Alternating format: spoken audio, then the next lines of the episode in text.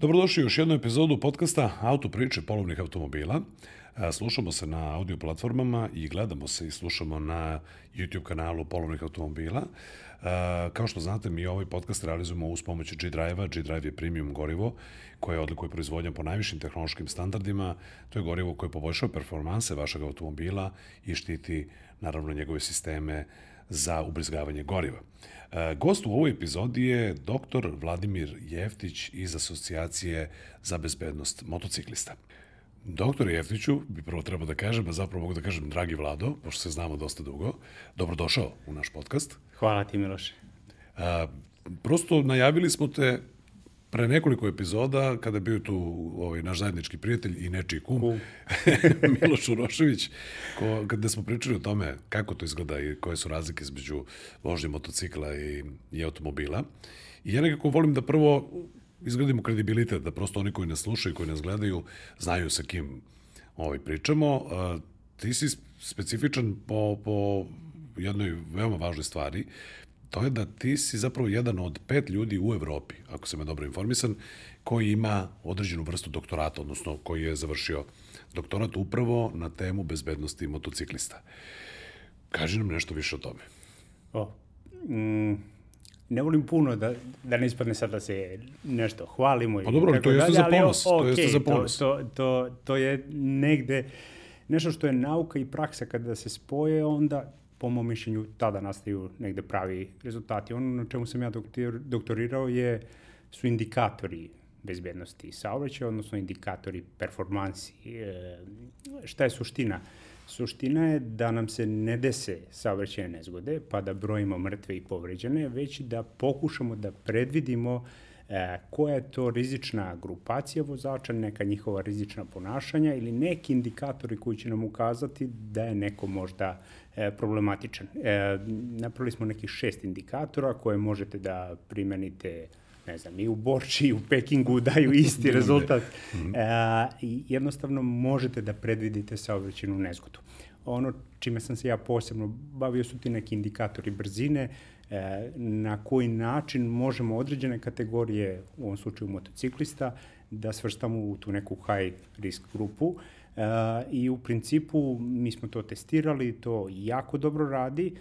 Nažalost, kod nas još uvek moramo malo da sačekamo sa e, primjenom svega toga, ali u principu eto, to je to, naučni radovi na tu temu, SCI lista i sve ono što, što ide, ali negde je mnogo važnija praksa. Dakle, nekom prosječnom motociklisti ništa ovo nije važno, njemu je važno kako onda sedne, krene i bezbedno upravlja motociklom. Upravo ćemo zato i pričati šta su ove, sve aktivnosti ABM-a, da koristim tu skraćenicu, dakle asocijacija za bezbednost motociklista, jer postoji i treninzi, i postoji i kurs, i mnogo nekih drugih stvari. Ovaj, dakle, radi se o jednoj posebnoj vrsti, na to, na to ćemo doći, radi se o jednoj vrsti doktorata koja nije toliko česta, ali upravo jeste jako važna i prepoznat se, čini mi se, već široko uh, gostuješ i na medijima i možemo te pronaći i na društvenim mrežama, gde se stalno priča o bezbednosti motociklista i generalno o bezbednosti u saobraćaju. Pa da krenemo od prvih dana da bismo uklopili tu praksu. Kada si počeo da voziš motor? Kada, kada se javila ta, ta ljubav? Pa, kao i kod većine ljudi na području bivše Juge, Tomos i Tomosa je sve, sve negde krenulo. U porodici je takođe bilo motocikala i onda jednostavno e, negde rasteš sa tim. E, međutim, postoji jedna druga tamna strana motocikla. Ja obično ne volim stalno da pričamo baš o toj tamnoj, motociklu uglavnom lepa strana, ali ima i onu drugu tamnu. Video sam u svojoj porodici dve jako teške saobraćajne nezgode i obe su bile pitanje e, života i, i smrti. Ja volim često da kažem da je motocikl negde e, najbrži put između onog vrhunskog uzbuđenja i najteže depresije.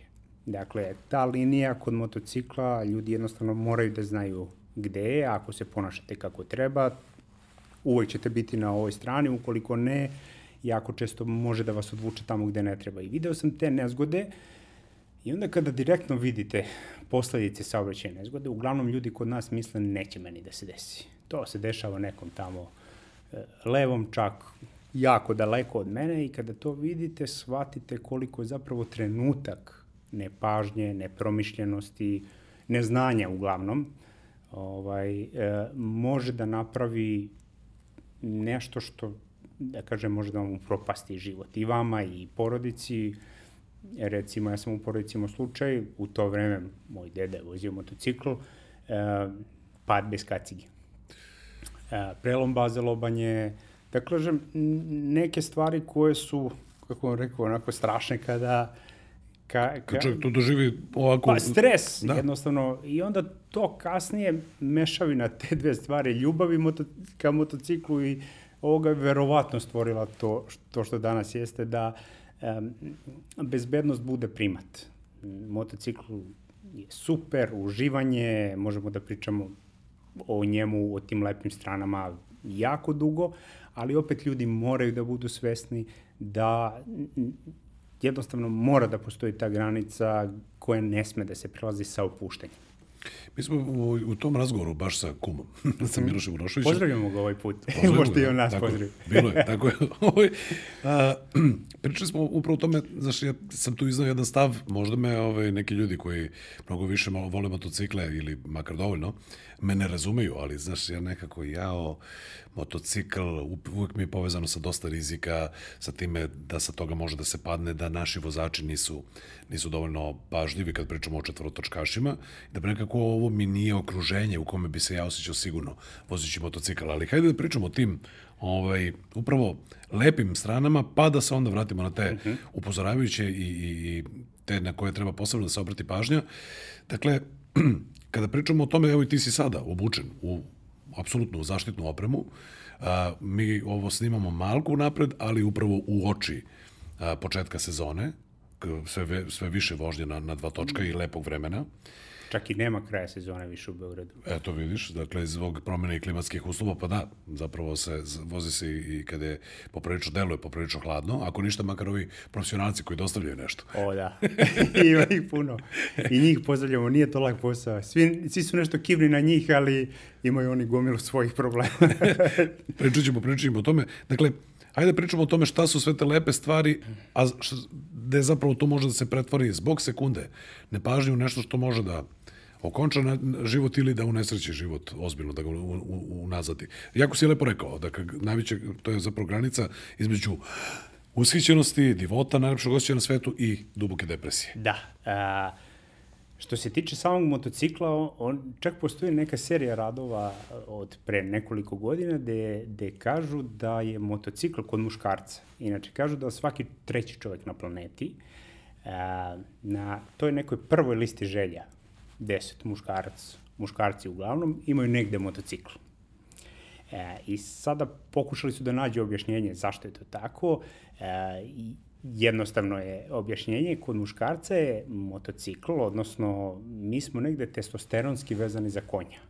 A negde u ovom dobu sada u kom mi živimo je priroda naslednik konja motociklu. Dva točka, tu je negde onako u, u, u vožnji. I onda jednostavno ga vezuju za testosteron. I čak je određeno su, da kažem, istraživanja sa klincima. E, 8 od 10 klinaca stave im tipa Ferrarija, automobil koji je onako baš brutalan i stave motocikl. Njih osam ima wow efekat na motociklu. I obitno klinci imaju taj wow efekat na ulici kada prođe motocikl. Wow! I uglavnom se okreću i to je ta neka genetska veza e, po, po tim naučnicima. E, što se tiče lepih strana, možemo isto da pričamo jako dugo njima, ne postoji bolja stvar. Vikend, jutro, relativno lep dan, sunčan, ekipa te čeka, motocikl spreman i idemo na put. Da li je to put od 2-3 sata, 25 dana, evo sada neki naši drugari su na proputovanju kroz Južnu Ameriku, e, motocikl oslobađa. E, posle svake vožnje, kad se vratiš sa motociklom, glava je prazna. I to je ono, mislim, prazna u smislu problema. e, e, to je ono što savremenom čoveku negde danas, čini mi se, je, svima nama je potrebno da negde ono, gomila mailova, poruka, obaveza i tako dalje, na motociklu toga nema zato što si u direktnom kontaktu sa, sa prirodom. Jednostavno, percepcija drugačija, sve je negde drugačije. Što se tiče Beograda, potreba, sada trenutno prosečno vreme putovanja u jednom smeru u Beogradu, 42 minuta. Što se sa motorom može ozbiljno smanjiti. U, idemo puta dva, puta tri. Ali da budemo, ne budemo u prekršaju. To sam upravo da kažem. Da, ne budemo u prekršaju. Dakle, kada pričamo o Tako je. vožnji po Tako je. propisima. Traženje parking mesta, e, 2017. mislim da je London studija, e, sedam dana godišnje u nekim delovima Londona se izgubi na traženje parking mesta. Kad sve saberete, sedam radnih dana. Dakle, e, ostavite neki deo života za volanom. E, to će sve više biti zato što broj vozila enormno raste, naš konforizam jednostavno raste, svi žele sada da imaju ne jedan automobil u porodici, i dva automobila i garažna mesta, jednostavno nigde se više ne ide bez nekog prevoznog sredstva. Dakle, motocikl rešava gužvu, rešava parking i daje vam slobodu i daje vam, da kažem, te neke lepe, čiste misli, druženje sa, sa ekipom i putovanja, avanturizma, zavisi za koji stil motocikla se, e, se odlučite. I negde to jeste neki moj prvi praktični savet, kada neko želi da uđe u svet motocikala, to mora raditi planski. Dakle, taj plan podrazumeva neka četiri koraka. Prvi, prvi korak, ako ti odgovara sada da, da Može, ti može. odmah kažem, prvi korak a, je da čovjek proveri da li uopšte za motocikl. Kako se Kao to što si ti rekao malo pre, a, kada postoji određena doza straha koja prelazi onu granicu neprihvatljivosti. E, na motociklu ne smeš da imaš loše misli, nikakve distrakcije, u, e, zato što su rizici da se desi problem ogromni. E, I ako bilo šta te koči u tome, može da bude problem. E, doza straha kada je prevelika, postoje naravno načini kako se ona rešava, ali nije dobra za, za sam start. Moraš da osetiš jednostavno onu dobar vibe ka, ka motociklu i to je prvi negde korak. Druga stvar koju ljudi jako često preskoče, nekako im smešna, je šta tvoje okruženje misli o motociklu. Mi to zovemo u, u praksi on mama test ili žena test. Ovaj, nije dobra uh, negde strategija na samom početku, jer zašto? Majka i supruga, devojka, partner, nebitno, uh, o motociklu uglavnom imaju mišljenje kao o serijskom ubici. To je normalno, zato što na televiziji uglavnom vide poginuo motociklista, poginuo motociklista i vremenom negde to se u, u mozgu beleži da je motocikl nešto ekstremno opasno. I sada ti napraviš onu ključnu grešku, ne dogovoriš se sa ženom Ili mamom. ili mamom. Ili partnerom. E, I odeš Dovezeš. i kupiš, dobar dan, evo ja sam ispunio moju želju. Nije dobro zato što ćeš e, privući ogromnu količinu, da kažem, kritike. Zašto to? Ajde, kritiku ćeš možda i da izdržiš i tako dalje. Pričamo realno, sad će neko da kaže, vidi, ja kad kažem moja žena, da, da nije to baš tako. E, uglavnom nije tako. E, E onda ti sa tom energijom i tim mislima da si stalno kritikovan i pašćeš, pašćeš, pašćeš, onda stvarno padneš. E, zato što je to e, doza pritiska koju ne smeš da imaš na motociklu. To se radi na drugi način, ok, imamo plan, želim to da uradim e, i, i krene se po tim koracima. E, sad ćemo ići jedan po jedan. Kad se to sve završi, onda biramo stil motocikla. To je treći korak. Tako, osnovno, Šta je njegova namena i šta E, planiramo zašto s njim ti treba da... To, to, to. motocikl? Dakle, ako želiš da se prevezeš od Novog Beograda do Slavije, zato što ti je gužva, glupo je da uzmeš čoper sa dodatnim koferima, zato što to nije To može da je neki mini skuter da bude, ali tako? skuter, neki konvencionalni motocikl koji je uži i tako dalje, neki enduro motocikl koji je odličan zbog bezbednosti, zato što sediš visoko, dobra preglednost ogledala i tako dalje. I čuje se. I da, to je jako br, važno. br, br. e, to, to, to je taj, da kažem, osnovni korak da se um, povežu tvoji motivi vožnje sa određenim stilom motocikla. Gde nastaje problem u Srbiji? Sportski motocikl. E, Velikom većinom. e, većinom kod mlađih vozača Aha, uglavnom, ali to nam je i najrizičnija kategorija, nam najviše ginu tu negde 19, 25, 27 godina. Sad se to malo pomera ka, ka gore. Dakle, izvini, izvešću zaključak, mada ćemo o Mhm. tome detaljnije. Dakle, kada ima manje iskustva, nema dovoljno iskustva uh, još vozačkog i životnog, a im posjeduje se brz i, i da kažem, sposoban motor. Vidi. Uh, uprostio sam. Jeste. Veoma sam uprostio. I, i, I to jeste suština to što si rekao. Gledaj, ne postoji.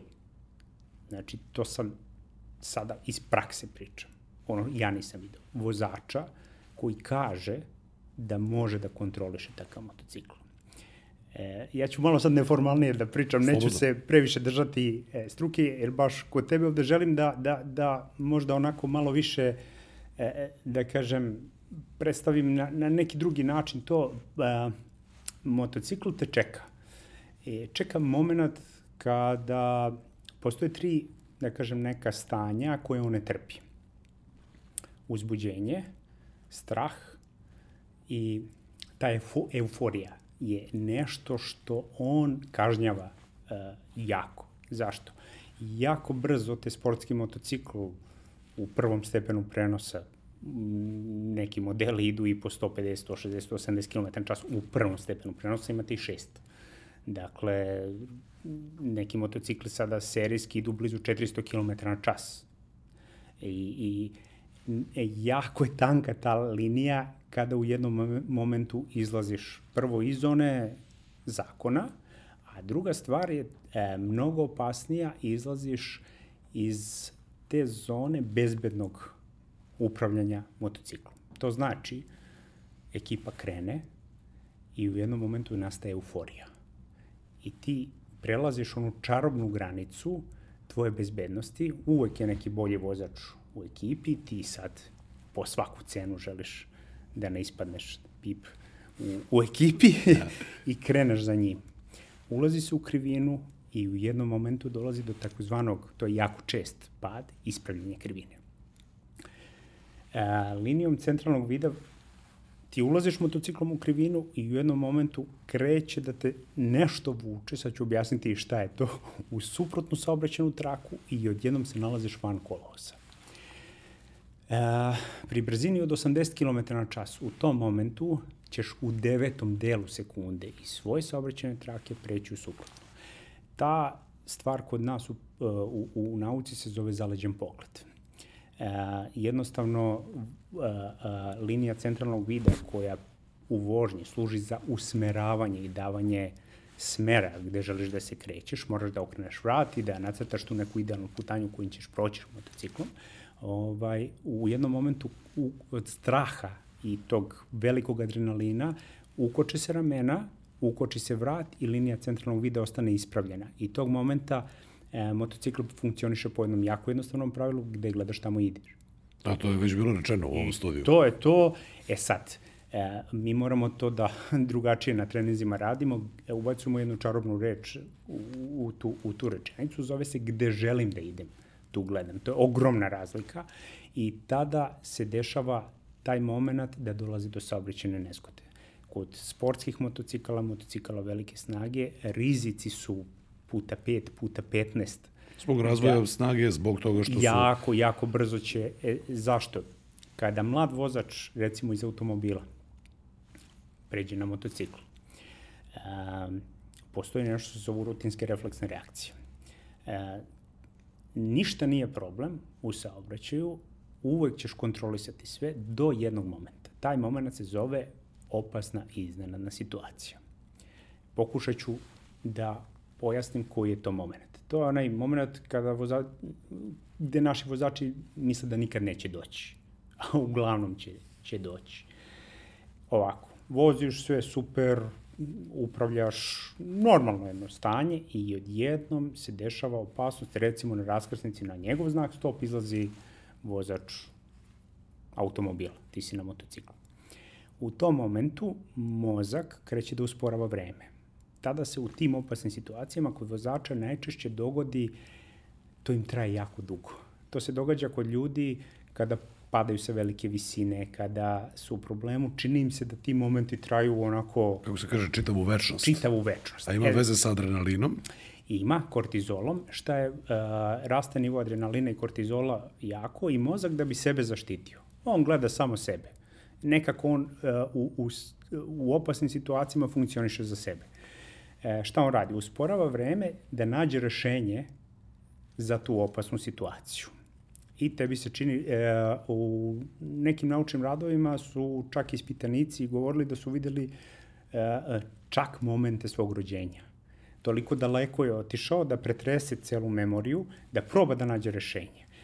I onog momenta kad on skapira da nema rešenja, dakle nisi trenirao nešto, nemaš uvezanu rutinu u Nema mozgu. scenarija po kome ćemo sad ovo da rešimo. I uh, ona se u mozgu, rutina se u mozgu pravi između sinapsi i neurona, zadebljava, kada nešto stalno radiš, ovaj, ne moraš više da obraćaš pažnju na to, radiš rutinski normalno i to je to. Uh, onda on povlači prvu treniranu reakciju.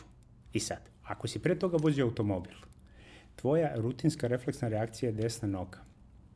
Ona prva ide na, na kočnicu. kočnicu. I to se dešava kod vozača koji nema izgrađene rutine na motociklu. Isto i za automobil. Motociklista u nagibu naglo ide na zadnju kočnicu, pritom se dešava da rukama ne radi ništa. Krucijalna je prednja kočnica, krucijalno je kvačilo, tehnika kontraupravljanja, on to nema memorisano i šanse su ogromne da će u tom momentu da napravi i najčešće se napravi, napravi greška. Opasna situacija ako te sve zvezde na ovom svetu pogledaju, u opasnoj situaciji imaš maksimalno 3 sekunde. To je plafon svih plafona. Da, obično je mnogo duže, e, zato što se gubi na, dosta na vreme reagovanja i tako dalje. I e, u tim situacijama jednostavno svaki vozač, to isto važi i za vozača automobila, mora da ima treniranu rutinu. Kako se proverava trenirana rutina? Vrlo jednostavno. E, za motocikl sedneš, postaviš se doslovno kao da si na motociklu, uneseš se u neki scenariju. I na 1, 2, 3 uradiš brzo sve kao da si u toj situaciji. I uglavnom ljudi tada skapiraju da su uradili nešto jako glupo. Nešto jako kontradiktorno su, postali su kontradiktorne informacije motociklu. Iako su mislili da znaju Iako šta rade. Iako su mislili da znaju šta rade. U, u tim situacijama čak 9 od 10 vozača napravi e, evo, prost test, sada neka zamisli, da mu izleće sada, ali mora jako brzo to da se radi, na 1, 2, 3. Izleće automobil, šta radiš? Ja, d, ja mislio sam. Ako izgovoriš reč mislio sam, to sigurno znači, gotovo sigurno, da bi isto i razmišljao u opasnoj situaciji. Odnosno da bi produžio to vreme i da ne bi odreagovao Ne bi uradio, onda bi mozak povukao neku dobro treniranu rutinu. Jer šta je trenirana rutina e, kod vozača koji forsirano koče? Dakle, kada se desi jedan od četiri načina da izbegneš opasnu situaciju, je forsirano kočenje. U 9 od 10 situacija to radi. A, kod forsiranog kočenja a, postoji jedan mikropokret koji mi pratimo kod vozača, a to je nakon pritiska kočnice, sad pričam za automobil recimo, pošto je jako to opasno zbog motociklista i biciklista. Moment pritiska na kočnicu, tog momenta, pogledaj, vrat ide dole. Vrat ide dole. Vrat ide dole i linija centralnog videa koja služi za usmeravanje i čitanje informacije iz saobraćaja, pored perifernog videa, ovaj, tog momenta je oborena, oborena dole i više taj vozač nema preglednost. Dakle, u slučaju da mora da pusti kočnicu i da ima manevar u levu ili desnu stranu, manevar izbegavanja, neće ga imati. Jer on ne gleda više jer tamo. on više ne gleda. No. Da. E, to, to, to može da se često uoči, recimo kada vozači automobila čuju jak zvuk motocikla. U jednom momentu, ups, trese se i uradi nešto tipa forsirano zakoči ili ono najgore, skrene u stranu E, zato što njegov, mi se rađamo sa jednim urođenim strahom. A jedini urođen strah koji imamo pri rođenju je strah od jakog zvuka. Što je nekad bilo, ako vikne, ako, Tako ako arlaukne sabljozubi tigar, da se skronimo u pećinu. Tako je. I, i e, verovatno vuče ko zna iz kog perioda. Jer gledaj, to je takozvani, e, to spuštanje pogleda. E, još samo malo ću, o, o, o, ovo je meni, ja uživam. kako bih rekao, jako važna stvar da, da ljudi shvate koliko je pogled i trening zapravo važan, trening opasne situacije. E, E, to je e, ta, taj efekat spuštanja pogleda, to je matrica koju vučemo e, od rođenja. Malo dete kada uglavnom majka ili otac Grdi ili grdi nešto. spusti pogled, zažmuri i krene da plače. I radi po principu, slušaj kako je zanimljivo ovaj princip, ako zažmurim i plačem, ako ne vidim problem, nema problema. Dakle, I mnogo prosto zvuči, ali to je zapravo Ali to je, i, i uglavnom vozači automobila na strah, na opasnost bilo kog tipa, istrčavanje deteta na pešački prelaz ili van pešačkog prelaza, funkcionišu po tom sistemu. Ako povlači ga mozak, zato što nema trening, nema utreniranu matricu za to. Zašto je to sve opasno? Opasno je ako si ti u autopilot režimu.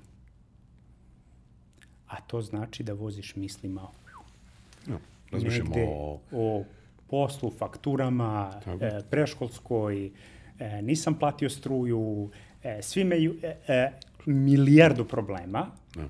i ti sedaš u automobil. E, zato što si hiljadu puta ušao u automobil, znaš kako se startuje agregat, znaš kako se menjaju brzine, tvoj mozak je to zapamtio kao rutinu. I ta rutina a, može da se obavlja bez tvog prisustva. Zato postoje ni momenti, prešao si neki deo puta, ne sjećaš se uopšte da si prešao. Da si prešao, da. E, to je takozvana vožnja u autopilot režimu.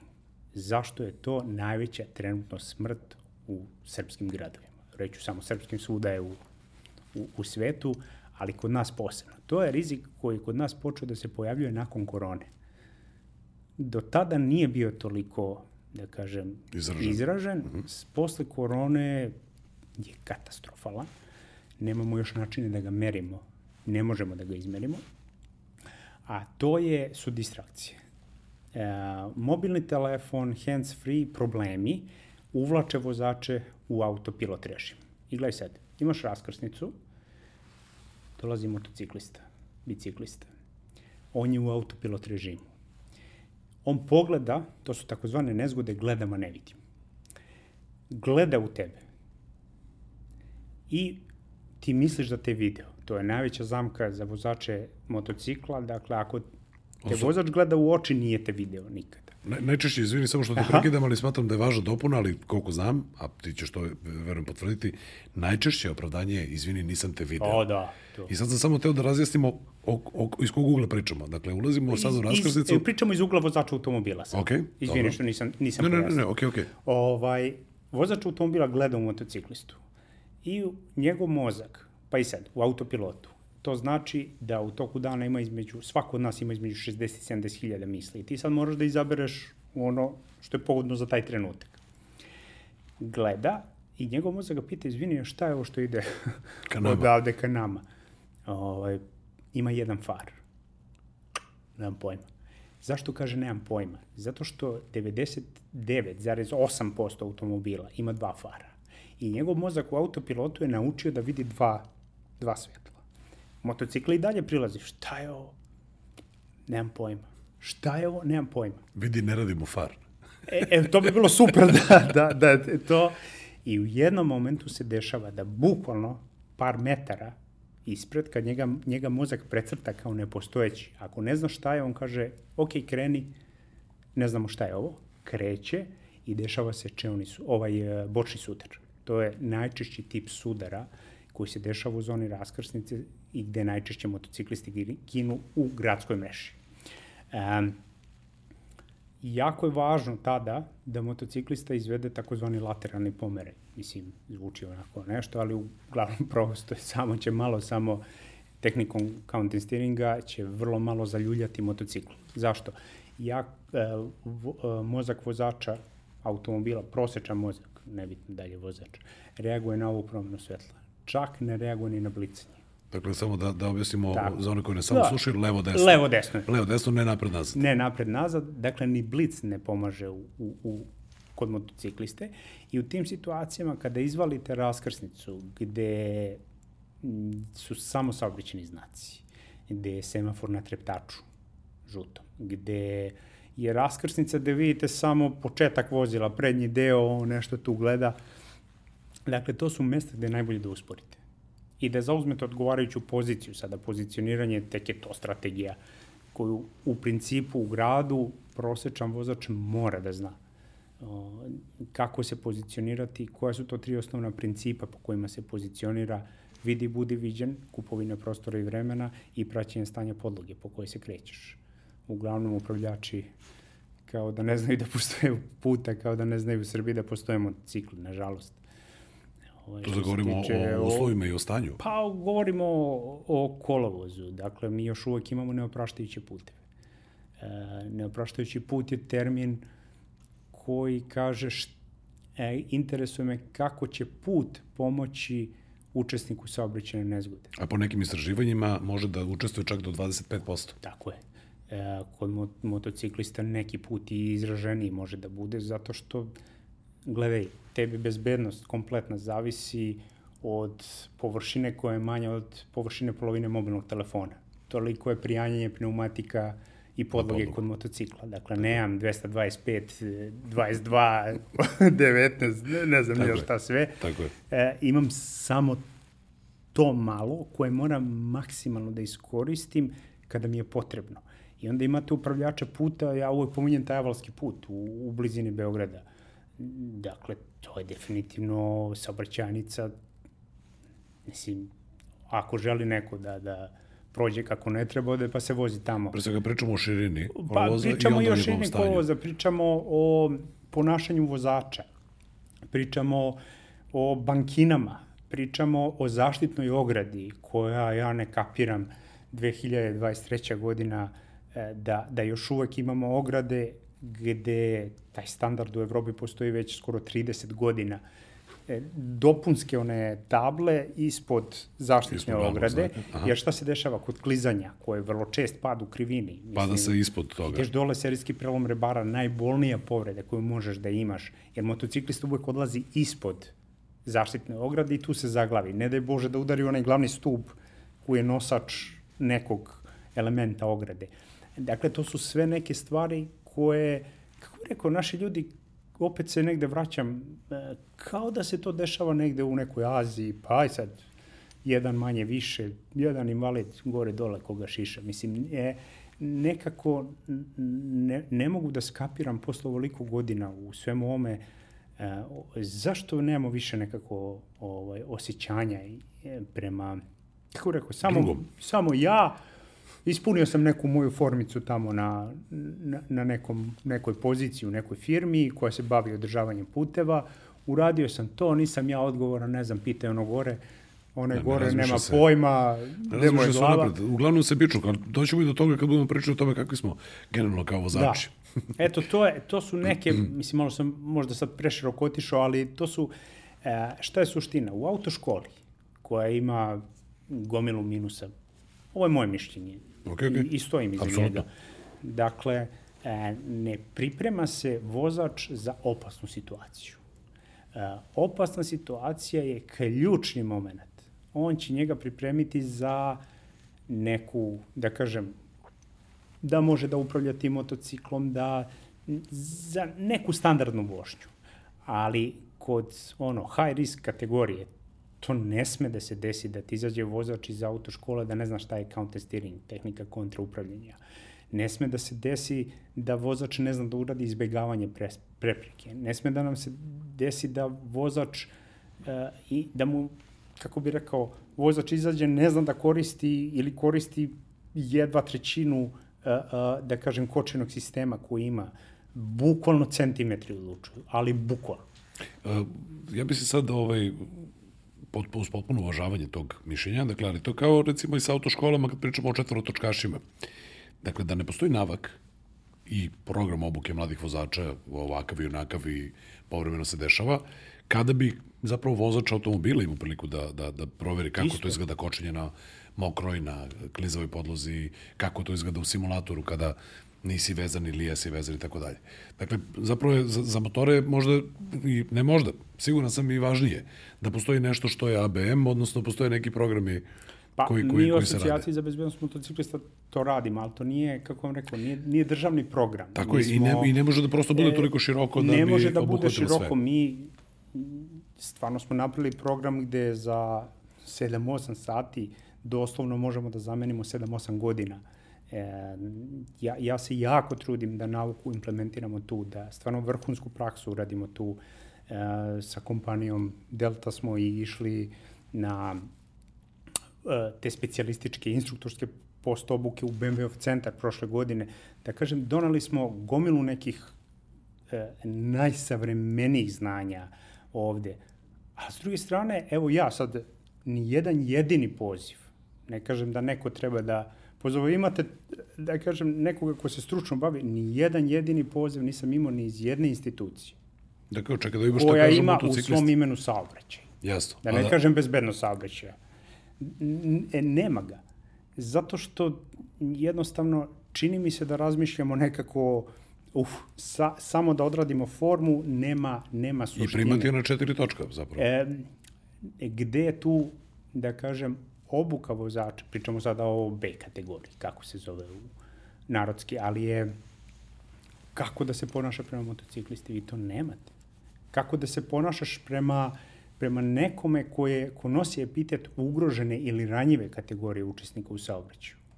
E, mi to nekako ne, Zanemarujemo. Zanemarili smo. Ja, ja, ja inače, sad, usta moja hvalite me, jel? ali ovaj, obraćam pažnju, naročito je to u letnjem periodu izraženo kada ima više motociklista u saobraćaju, prosto gledam non stop u, u, i u bočne retrovizore i kad vidim da dolazi motociklista, ja se pomaknem i često bivam i nagrađen. Dobijem pozdrav, dobijem dva prsta, Super. ovako da, Da. da. Da, pokažu mi sa sa što kažu supravljača, zahvaljuju se, jer prosto ra- računam da tu treba napraviti ovaj pro- prostora. S druge strane, mi smo pričali sa Milošem ovde, da ima i vozača koji, e sad baš neću da ti dam tu da prođeš. Mislim da zapravo edukacija, opsežna edukacija i promena stava generalno vozača ovaj, je neophodna da bi se promenilo. Zato između ostalog i zbog toga ja strahujem da sednem na motor ovde. Nije da ne, ja nikad nisam bio na motociklu, na nekim skuterčićima i tako dalje u svojoj mladosti. Prosto mislim da nismo tržište za to, iako se sve više i više povećao broj ovaj, vozača motocikla i tu bi zapravo mogu da nam daš možda neku korisnu statistiku. Koliko ovaj, Evo ti Evropa, se sve više i više vozi ovde To motocikla. je prosto nevjerovatno šta se dešava posle korone u, u, u da kažemo, u svetu dva točka. E, milion jedinica godišnje je povećanje, pričam zvanično. Wow. Milion. to je- to, to, to, to, su, to su ekstremna povećanja. Evo šta je Nemačka uradila poslednji neki potez je da su podigli e, granicu za moped. Dakle, nije više e, moped da ima 50 kubika, ovaj, sada je 125. E, sa aspekta bezbednosti nije neko najmudrije rešenje, a, po mom mišljenju, zato što ipak je to drugačije. E, to znači da neko ko ima B kategoriju može da Da vozi da vozi 125 kubika, mislim, i 50 je opasno ako ne znate kako motocikl Da, da, funkcioniše. tek sa 125. Da, dakle, to je- S jedne strane imamo neki poštarac, s druge strane imamo Beverly. Jeste. E sad, e, šta je suština tu? E, Oni, oni razmišljaju drugom logikom. Oni razmišljaju finansijskom logikom. Zato što se desilo to što se sve desilo, finansijski krahovi i ovaj, sve što nas je dočekalo, oni e, sada imaju e, užasno veliki broj zahteva da ljudi štede novac tako što će da koriste umesto delimično umesto automobila motocikl, odnosno skuter i tako dalje.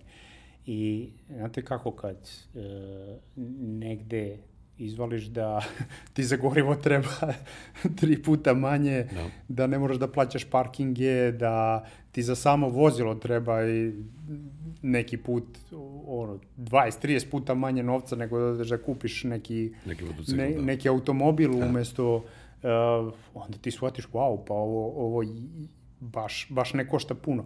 I onda u tom smislu inače industrija trenutno u Evropi vredna preko 27 milijardi evra. E, dakle, nešto što se onako, a, samo na GP takmičenjima je prošlo milion i 200-300 hiljada e, ljudi. Znači, to postaje ko više gleda formulu. Svi gledaju GP. Da, mislim, Mislim da, da ima i do toga da ta individualnost tog prevoza i samostalnost, pa, e, dešavali su se mnoge stvari, mi smo ovde, prva epizoda ovog podcasta nam bila nam je Aleksandar Đurđević, baš Da, iz, pratio sam iz Delta, prvu da, epizodu, e, da. i asocijacija uvoznika delo. Zapravo se desio taj neki čudan moment da je, o, ej, osim toga što se čekalo na neka vozila, pa možda i motocikle, imamo i taj moment, ok, individualni prevoz, ja želim da budem sam. Dva, jednom se živi. Kad, Da, da. ako ne sad. Dakle, Da. upravo je zbog uh, planetarne epidemije došlo do toga da kao, čekaj, čekaj, pa mi zapravo jesmo svi smrtni i ranije možda nego što bi... Šta bi ću ako ne sada? Pa kad ako ne to, sad, To da. je, to je strava, jer to jeste tako. Ja pričam sa ljudima, dosta s motociklistima, krećem se i ovaj, ma, neki ide život. Pakuj, koliko košta, nije važno. Daj mi sve što ima, jer hoću da, da, da osetim taj, taj bit motocikla e, e, kako jeste. Šta će mi kad budem imao Pa, 70? mislim, Ameri razmišljaju na taj neki malo drugačiji način, ok, ali mislim da u tom dobu nisi baš za motocikl. Zato što, ok, ne prijati ni sunce, ni kiša, ni vetar. Nisu ni iste brzine. Nije ovaj, ništa isto, tako da, refleksi. da slobodno na motocikl ranije samo mudro, mudro i pametno. Tako da statistika je takva kakva jeste. Ovaj, za zadnjih 10 godina, ono što je dobra statistika u, u svemu ovome, za zadnjih 10 godina u Evropskoj uniji je za 45% oboren broj stradalih motociklista. Dobro što znači da se... To mnogo se radi sada Da, na, da. na edukaciji, na bezbednosti. E, gledaj, mi smo od 2009. napravili super, e, da kažem, pomak u, u tom delu. Mislim da ne zvuči ovo malo bez veze, sada nam, e, tada smo imali 121 poginulog motociklistu u jednoj godini. To su Dakle, to je strašni, ratište, mislim to su strašni brojke. da. preko skoro 4000 povređenih. Dakle, to je, kako bi ti rekao, brojka kad je slušaš za neku u Ameriku, pa bi ti bilo mnogo. Sada smo negde oko 50, zadnje dve, tri godine se to pogoršava, što nije dobro. Mislim, to sad ima veze sa tim povećanim brojem E, jeste, motocikala na ulicama, ali to ali znači da imamo nekako iskustva. ne idemo ispod te brojke. I to je negde, po mom mišljenju, crveni, crveni signal za, za, za one koji upravljaju u tom delu, ali je, a, a, da kažem, a, povećava se bezbednost, ali raste broj motocikala. I to je ono što je dobro, mislim. Sada jednostavno imaš dostupno gde i da uzmeš motocikl, da kupiš motocikl, da uzmeš opremu. Da, to je jedan od koraka, zaboravio sam malo pre, izbor opreme. Uglavnom ljudi... Mi smo, to je zapravo četvrti korak, tako Pa, bio je izbor e, motocikla, e, imamo opreme, u nekim koracima se neke stvari, e, ima više Preklapaju stvari, se, jeste. odnosno Izbor se. Mm. autoškole i izbor zaštitne opreme. Dakle, nemojte da se desi da e, istresete svu lovu za motocikl, a da nema za... Da se na opremi štedi. A e, onda ću da uzmem od ortaka kacigu, ova ima neke pantalone tamo, wow, 50% svih padova sa motocikla su teške telesne povrede i smrt. Ne postoji bezazlena motor nezgoda. Ne po, ja nikad nisam video. A hiljade nezgoda sam video. Ne postoji bezazlena motor nezgoda, tačka. I ono šta imaš na sebi, to ti je to. Nema pojasa, nema karoserije, nema airbaga, nema ničega. Odnosno, poruka da tu ne treba štediti, to nam je baš i Miloš rekao kada Da. je bio u toj epizodi, dakle, oprema mora da se nosi, ja ću još jednom, za one koji ne samo slušaju, da opišem da si ti u potpuno odeven, ovaj, tu su i, i cipele i ovo je posebno odelo i reflektujući prsluk i ovde pored su i tvoje i rukavice i, i, i kaciga, ko drugi da demonstrira to nego ti, ali zapravo na tome ne treba Ono što ja zbog štediti. sebe to nosim. Apsolutno. Pa mislim, e, e, imao sam, ajde, prilike da padam sa motocikla, ali uvek je oprema odradila, odradila svoje. Dakle, to je, to je to. Između tebe i asfalta, ja to često kažem, je samo oprema, ukoliko, ukoliko si dovoljno mudar. I o, uglavnom ljudi, znaš kako to krene? Aj, neću ovo. To je, to je naša ogromna boljka. E, da e, e, migavac, Dobro. pojas, pantalone za motocikl i tako dalje. Ma, aj sad, ko će da me vidi šta? Nije, migavac, ja sam počeo, ne znam ti, u gradu da jednostavno se iznenađujem pozitivno kad neko da migavac. Nažalost, da, situacija je sve gore i gore. Ja inače sebe uhvatim da ja u, na unutrašnjoj saobraćanici u bloku dajem, da. dajem ovaj pokazivač pravca i kao čekaj što sam sad ovo uradio. Ali to valjda uđe u, u A to naviku. je rutina o kojoj pričamo. Ali I ako ne si da ponoviš sve tri više i više puta- voza, vozača deluje da, da, da to ne koristi Ako uopšte. kreneš da, da, da A jednostavno... nisu samo BMW i Audi. A nisu BMW i Audi. E, e, ja, ja ne znam, i onda ljudi kažu to je, radili smo jedno istraživanje gde 8 od 10 vozača automobila izjavilo da je migavac mali prekršaj, šta god to značilo. Aj, ne veze, mm. nije strašno. Ali taj mali prekršaj je napravio više spomenika na našim grobljima nego bilo šta. Jer sad pričamo upravo o susretanju 4 i 2 točka. Jer promena pravca... I 4 4 i, da. i 4 6. I 4, da, da, da. A, jednostavno, niko nije iza tebe prozorljiv i vidoviti da zna gde ćeš da ideš.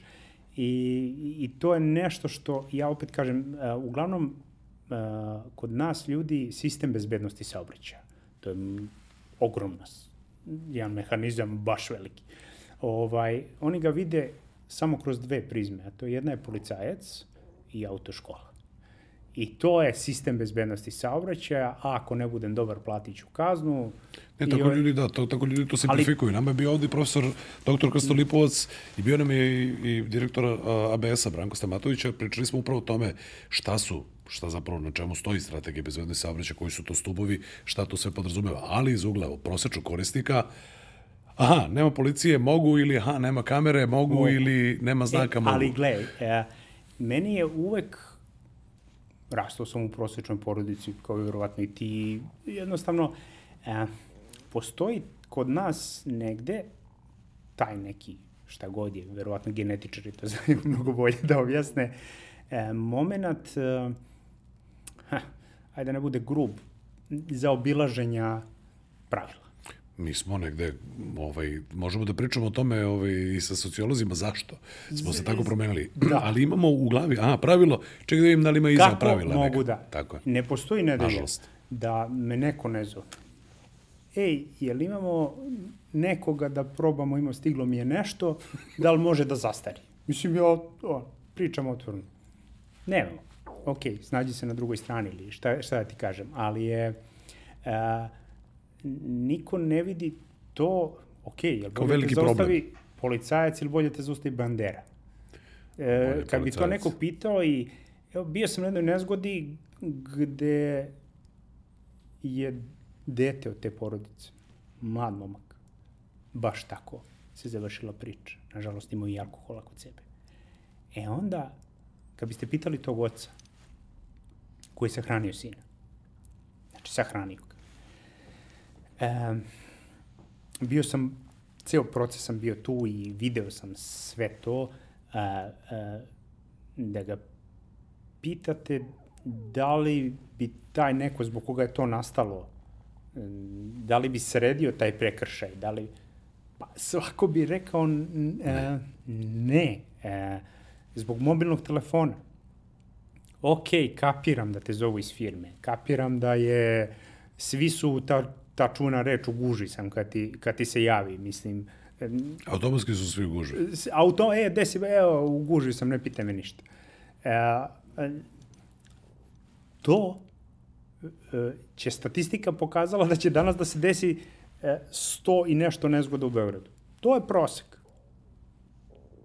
Znači, neko mora da izvuče taj tiket. Tako da, da, da bude tu. Kako god, kako god, kako god da. okreneš. Da. I onda, Statistički i on, to je tako. To, to je tako I, i na kraju mi kad saberemo, mi kažemo 500 i nešto poginulih. 500 i nešto poginulih. Dakle, neko izvuko tiket. Naši ljudi su skloni da to kažu, ah, sudbina.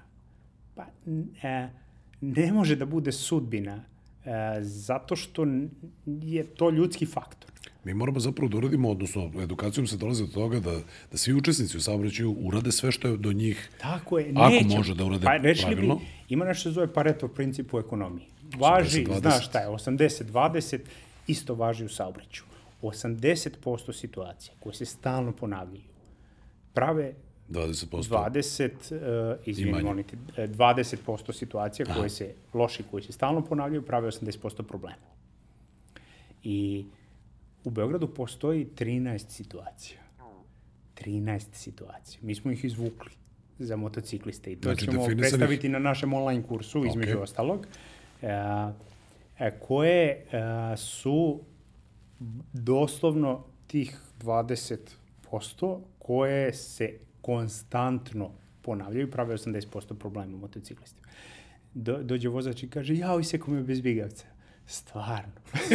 Mislim, e, to su stvari koje jednostavno, nažalost, moraš da očekuješ. Jasno, da. I- To, i to je u stvari, ako si seo na motor ovaj, Pa. ti, ili si u automobilu, očekuješ da ovaj tamo to neće uraditi. Da, da neće dati migavac. E sad, e, mi se dosta u nauci bavimo tim indikatorima koji najavljuju da će, evo, dva indikatora koji su gotovo, da kažemo, kažem, sigurna, ali najava da će neko da uradi nešto tako. Prvi indikator je da se vozilo pomera bliže razdelnoj liniji.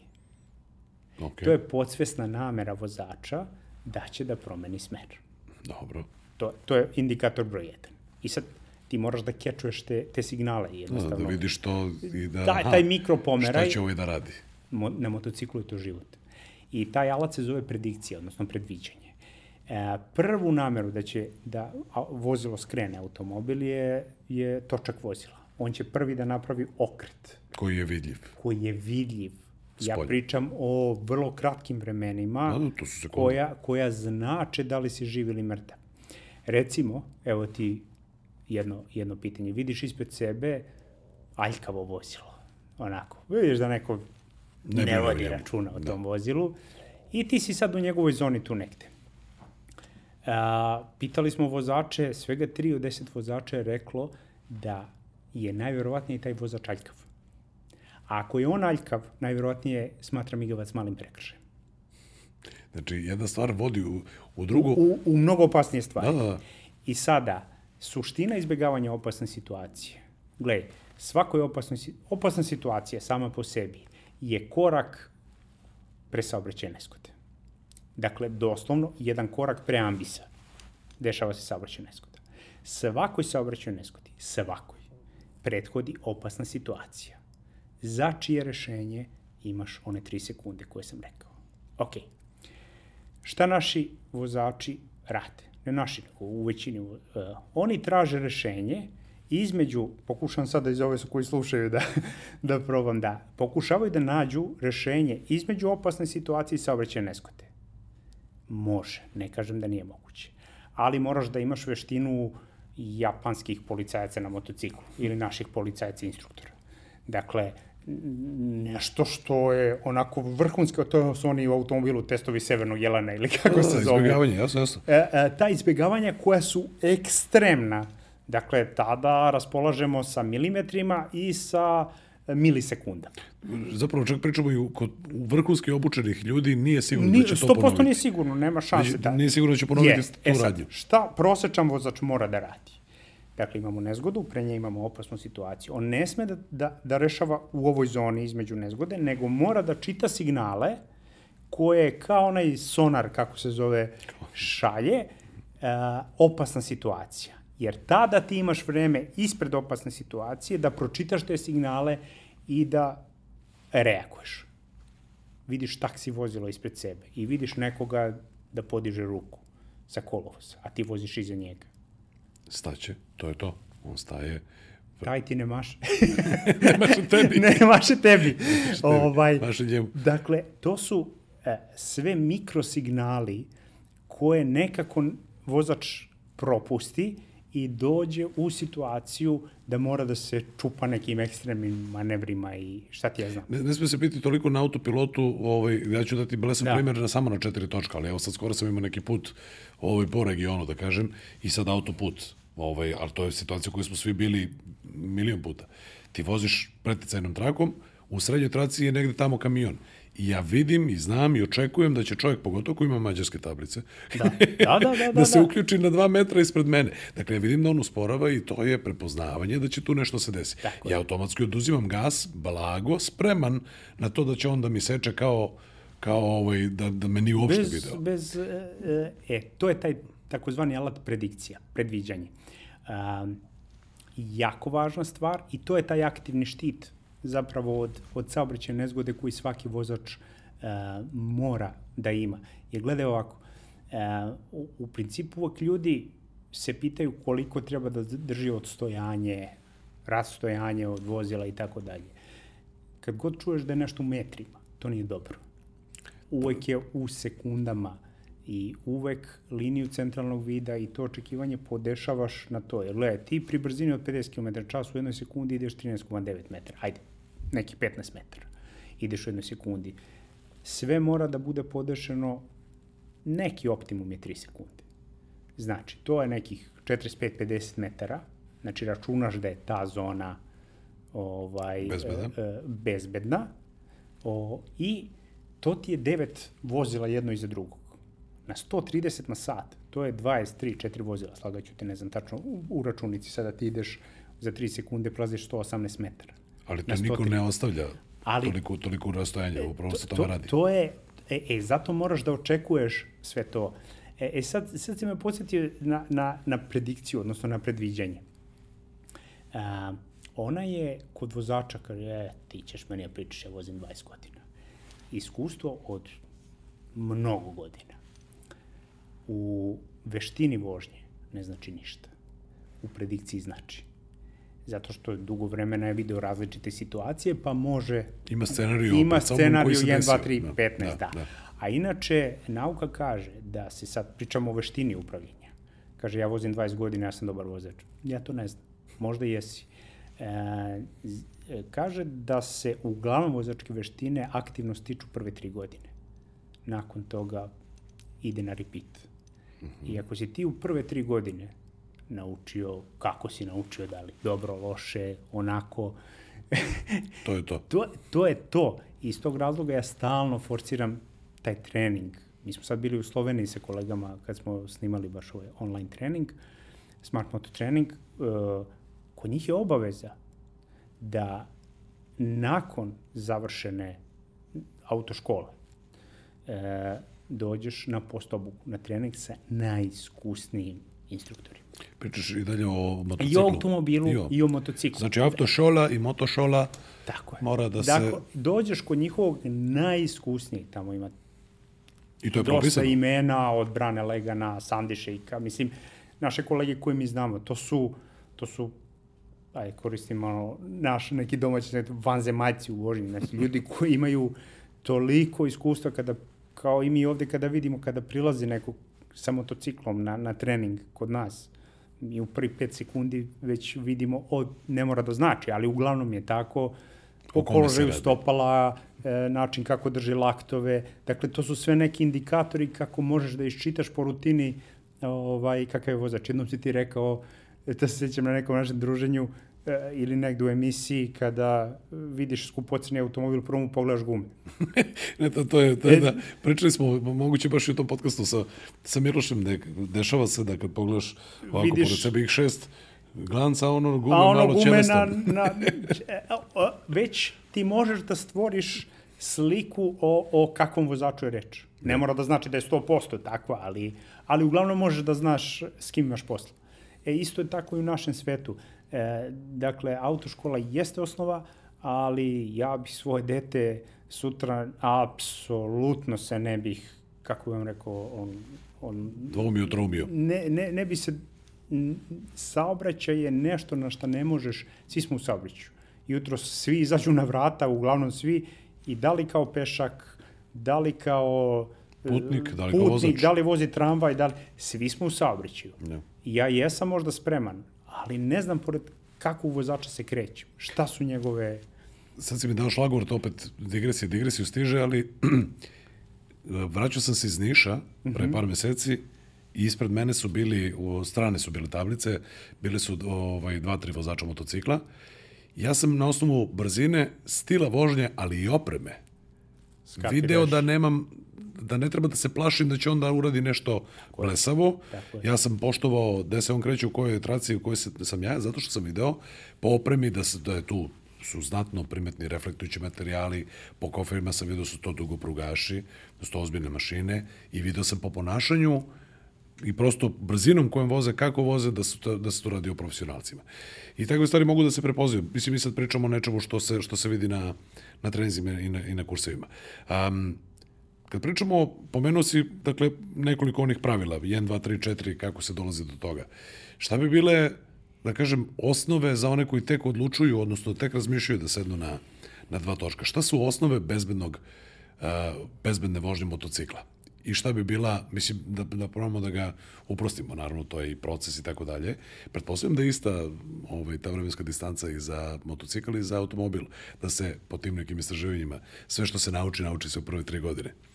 Ali kako, kako čovjek da uvežbava, dakle, osim ABM, eto, postoji online kurs, je li tako? Pa, e, online kurs je krenuo, to je Smart Moto Trening, gde napravili smo nešto među prvima u svetu, naš srpski proizvod, gde smo spakovali metodološki da može motocikl online da se uči, da se uči vožnja motocikla, online smartmototrening.com, nešto za što smo se stvarno mnogo potrudili. E, šta je suština u, u, u svemu? E, prvo pitanje, od koga učiš?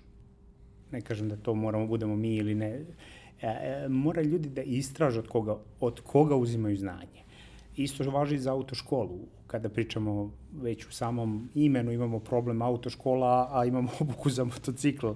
E, dakle, e, mora da, da se, prvo moraš da izvališ da li ta autoškola uopšte posvećuje dovoljno pažnje. Ili to samo... Ili je to pro forme. Da. E, šta je strava signal?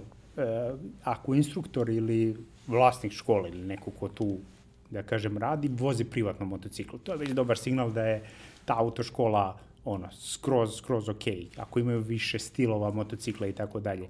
Dakle, to je nešto što je važno. E, stalno učiti. E, šta je problem sada trenutno? E, odnosno, do skoro bio, imaš YouTube, imaš ortaka. E, moj ortak, on vozi 20 godina. Pričao sam tih 20 godina, to je diskutabilno šta, šta to znači. Onda imaš drugu grupaciju vozača kod nas, nisu svi motociklisti cvećke.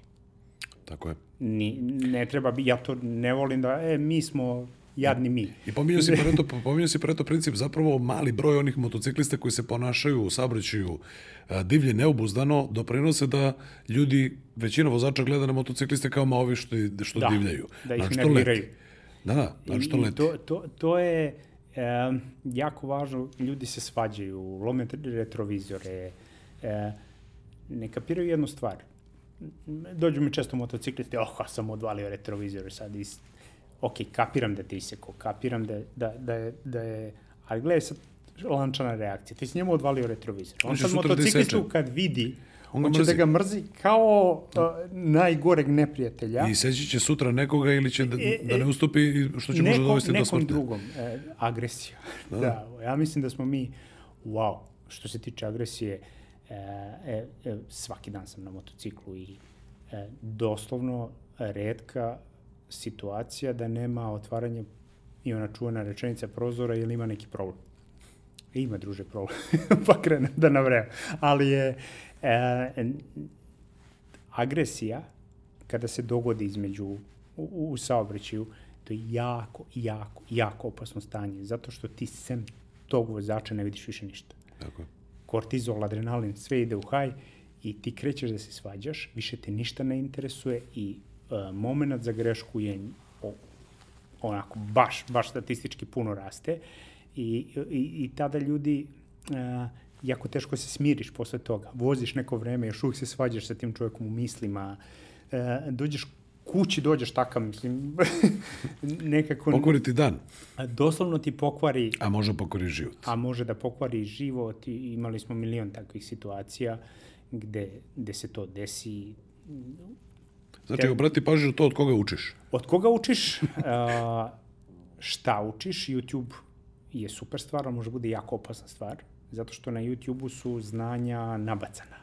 I ti svidi ti se neki YouTube lik, ti kreneš da ga pratiš i taj YouTube lik krene da ti promoviše hanging off stil upravljanja, to je ono spuštanje kolena u, u, u saobraćaju, u GP vožnja na avalskom putu ti gledaš, to izgleda sve strava, pucaju varnice. Ali pritom taj motor. čovjek ima mnogo više iskustva, ima poseban drugačiji verovatno motor pa, i ume to da uradi, a ti se e, pogledaš to da, na YouTube-u. Da, ali to je vožnja za stazu, e, gde su putanje u krivini totalno različite. To je bukvalno... Da su rigole one i tako dalje, da sve postoji. Da se igra, igraš ruski rulet sa šest metaka unutra, jedan je prazan. e, otprilike taj nivo. I ti kreneš da pratiš takvog lika, ima ih i kod nas i to sve izgleda onako bombastično, adrenalinski šokovi su ono užasni, koliko to sve dobro izgleda, ali i ekstremno opasno. Dakle, YouTube ili recimo kreneš od tehnike trail breakinga da gledaš na YouTube. To je najkompleksniji način kori, korišćenja kočnica na motoru. Koristi se na trkama, kada je motocikl u nagibu i da se dozirano daje prednja kočnica. Dakle, prvo to važi za sportske motocikle, za motocikle koji su tehnički ekstremno dobro pripremljeni da mogu da to trpe i za asfalt koji daje prijanjanje i guma 10-12 nije... metara u sekundi na kvadrat može da ostvari tako. usporenje i tako dalje. Dakle imaš sve i ti to primeniš u omoljici. Ne, ne može Neće to da se radi zato što je asfalt usijan i napravljen je 81. godine. I desit će se karambol. Dakle, mora postoji postupnost učenja. Osnovne mototehnike, krenite od counter steeringa, krenite od E, e, načina pozicioniranja tela na motociklu, krenite od nekih stvari koje su osnova. Lako ćemo mi povećati brzinu. Brzina je nešto što dolazi samo po sebi. Uglavnom, motocikliste pali ugao. Mm, da, ali ne možeš da radiš to na, na, na način da kreneš da voziš sa komšijom koji to radi na vrlo rizičan način, aj ti za mnom pa ćeš ti da vidiš šta ja radim, radi ti.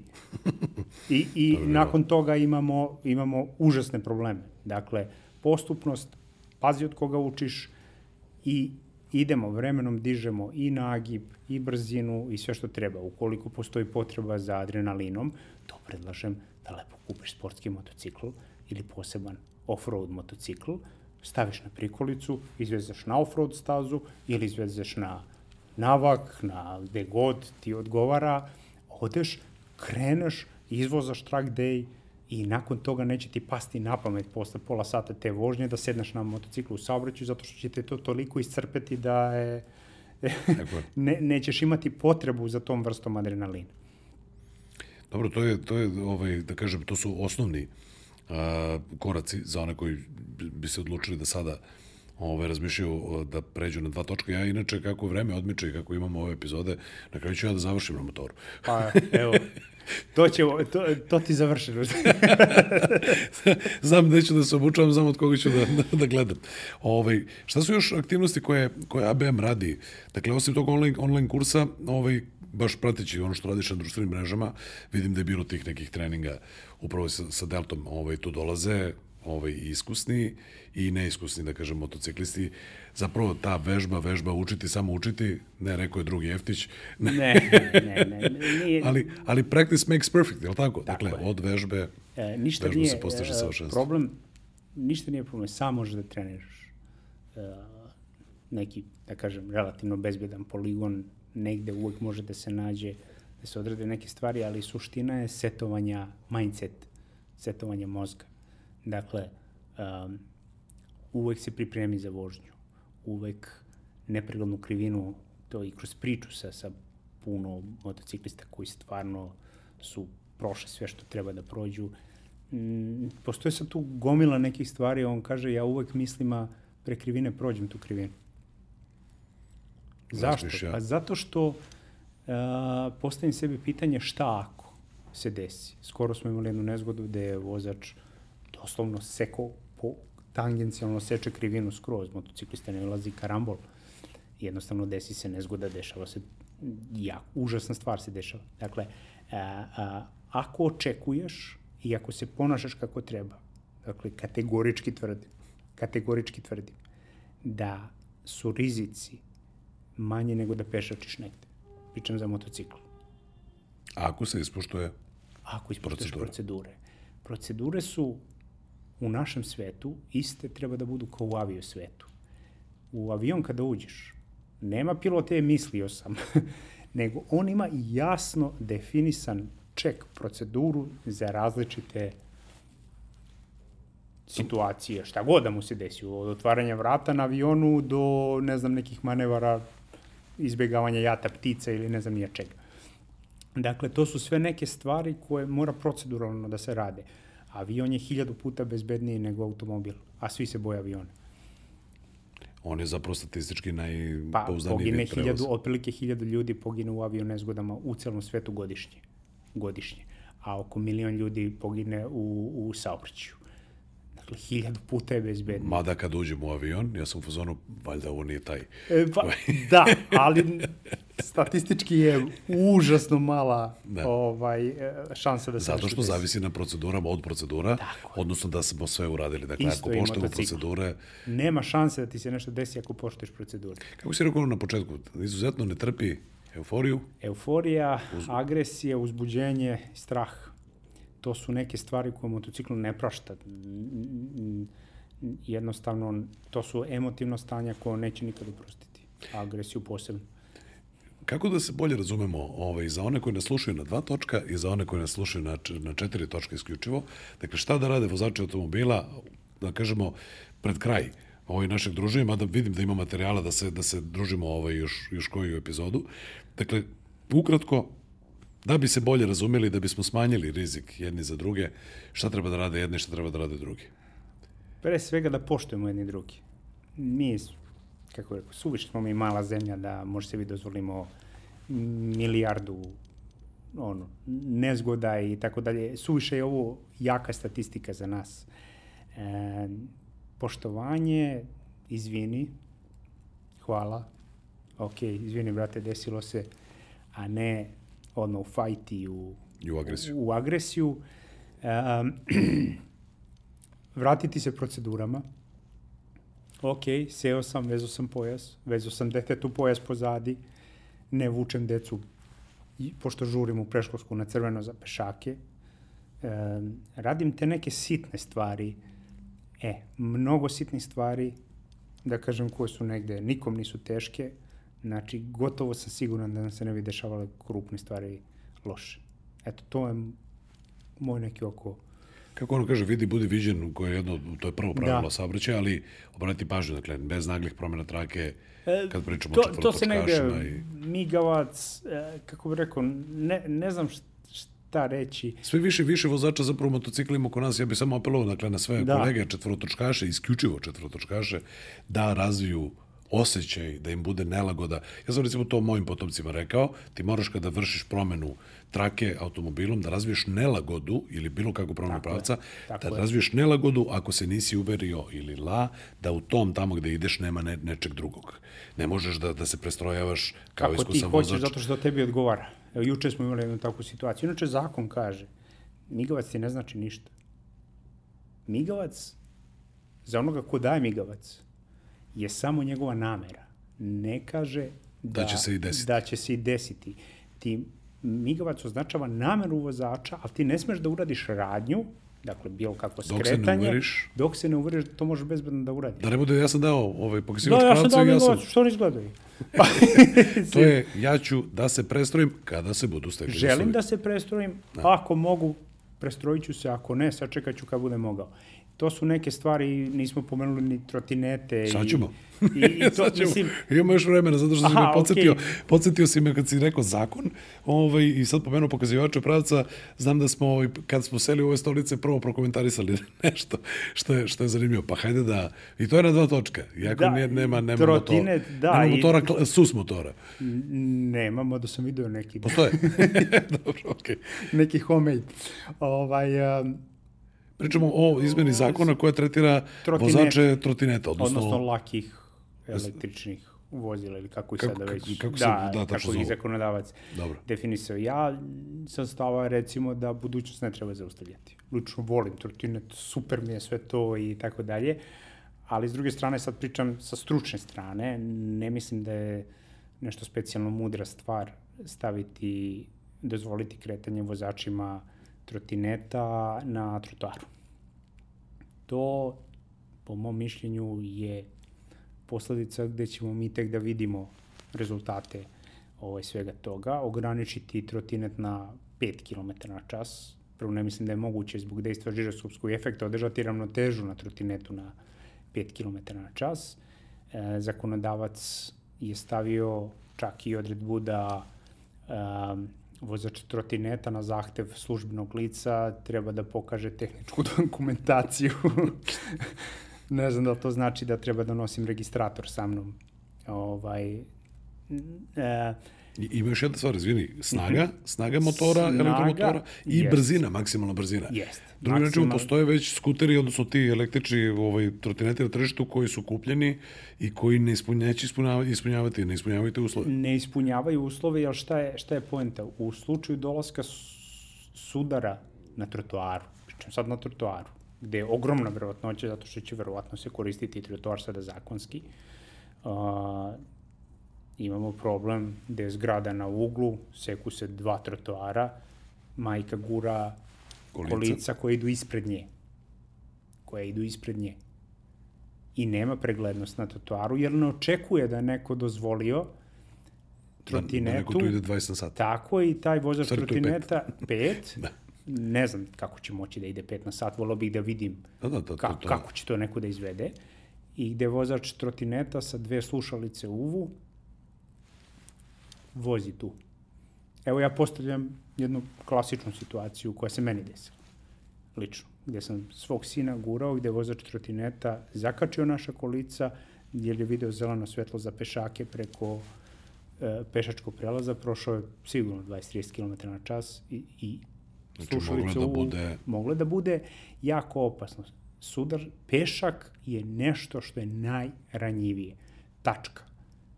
Iz kog razloga mi ugrožavamo našu decu i nešto stavljajući trotinet zato što je eto toliko veliki broj trotineta tu.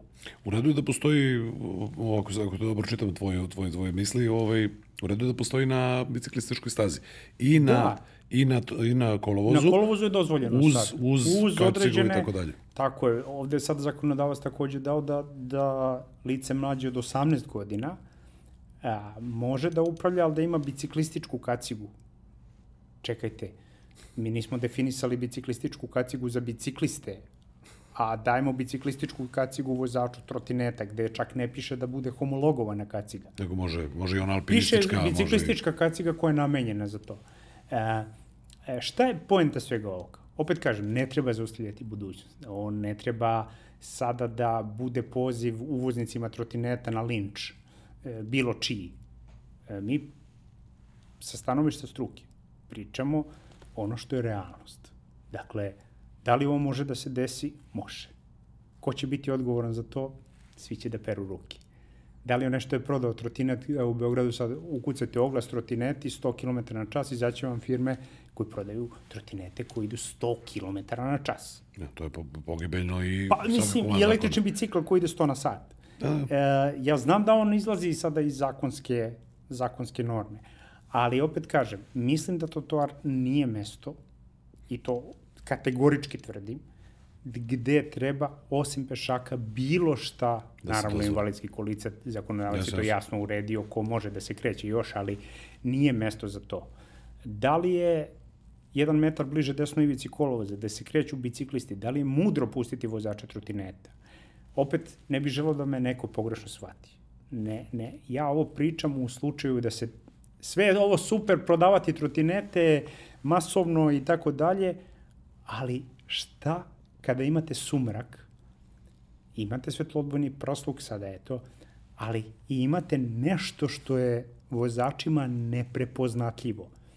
Nešto što se kreće jako sporo i nešto što je što ono jači povetarac može da obori na stranu. I ima LED svetlo, liči I na ima batar neko lampu. ne, nešto po njegovom izboru. Mhm. Uh, čekajte, ko će da plati sutra to lečenje? Ko će da plati šta je sa osiguranjem u tim situacijama? To će sve Ko- veštačenja e, ko- da daju... Ali, a da, a ko će da plati te povrede sutra? Čija je odgovornost? Da li možete kasko da se osigurate za to vozilo? Da li možete e, auto odgovornost? Evo ja ću da dovedemo sada predstavnike osiguravača. Ja, ja vam tvrdim, evo sada sa njima radimo ovaj, i te motoradionice i tako da ja vam tvrdim da oni ne, neće znati sutra kome treba se isplati šteta i na koji način to će biti osporeno u tim situacijama. Uradimo neki korak, Auto i trotinet. Tako, uradimo korak, a da pre toga nismo ozbiljno seli i napravili strategiju if then, šta ako?